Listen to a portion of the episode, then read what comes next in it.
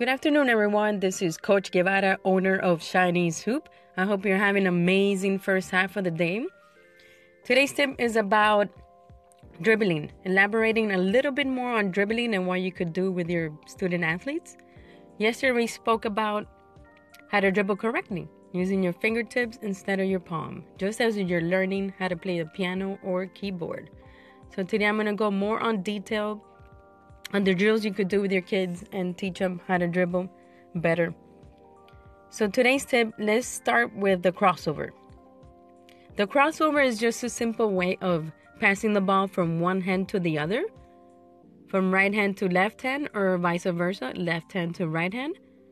If you're a beginner, let's start off by counting up to 10. Slowly just passing the ball up to 10. Then you increase your minutes and reps. You start with 10 if you're a beginner. 20, 30, 40 seconds, 50 seconds, and then you go up to a minute. Let's see how much how many you could do in a minute. Then we go to do drills, simple drills. Let's start off with the right hand if that's your dominant hand. Let's start off with the ankle. Let's say we're going to do 30 seconds. 30 seconds by the ankle, 30 seconds by the knee, 30 seconds by your hip. And then you keep increasing the seconds and reps until you advance into a minute and see how many you could do in, in a minute. Then you do the left hand. Let's say that's your weekend. So you start with 30 seconds ankle, 30 seconds by your knee, 30 seconds by your hip. Simple simple dribbling drills that you can do with your with your beginners or advanced student athletes. The next one is is between the legs. You think it's very simple, right? Just passing the ball between the legs, but you'll be surprised how many young kids don't know how to how to do the between the legs.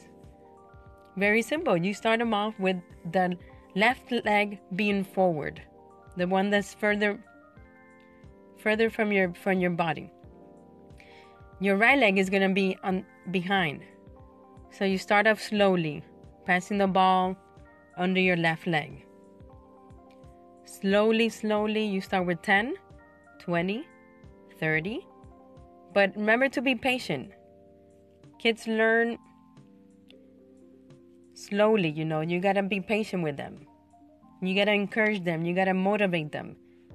Because basketball, it, it's easy, but all it takes is practice. Doing the same thing over and over and over again, and they'll get better. But you just gotta be patient as a teacher, parent, or coach.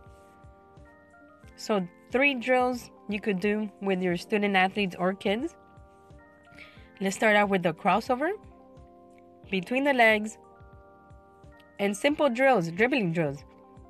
All you gotta do is increment the minutes, seconds, and reps. Once again, this is Coach Guevara. Have a wonderful day. I'm out.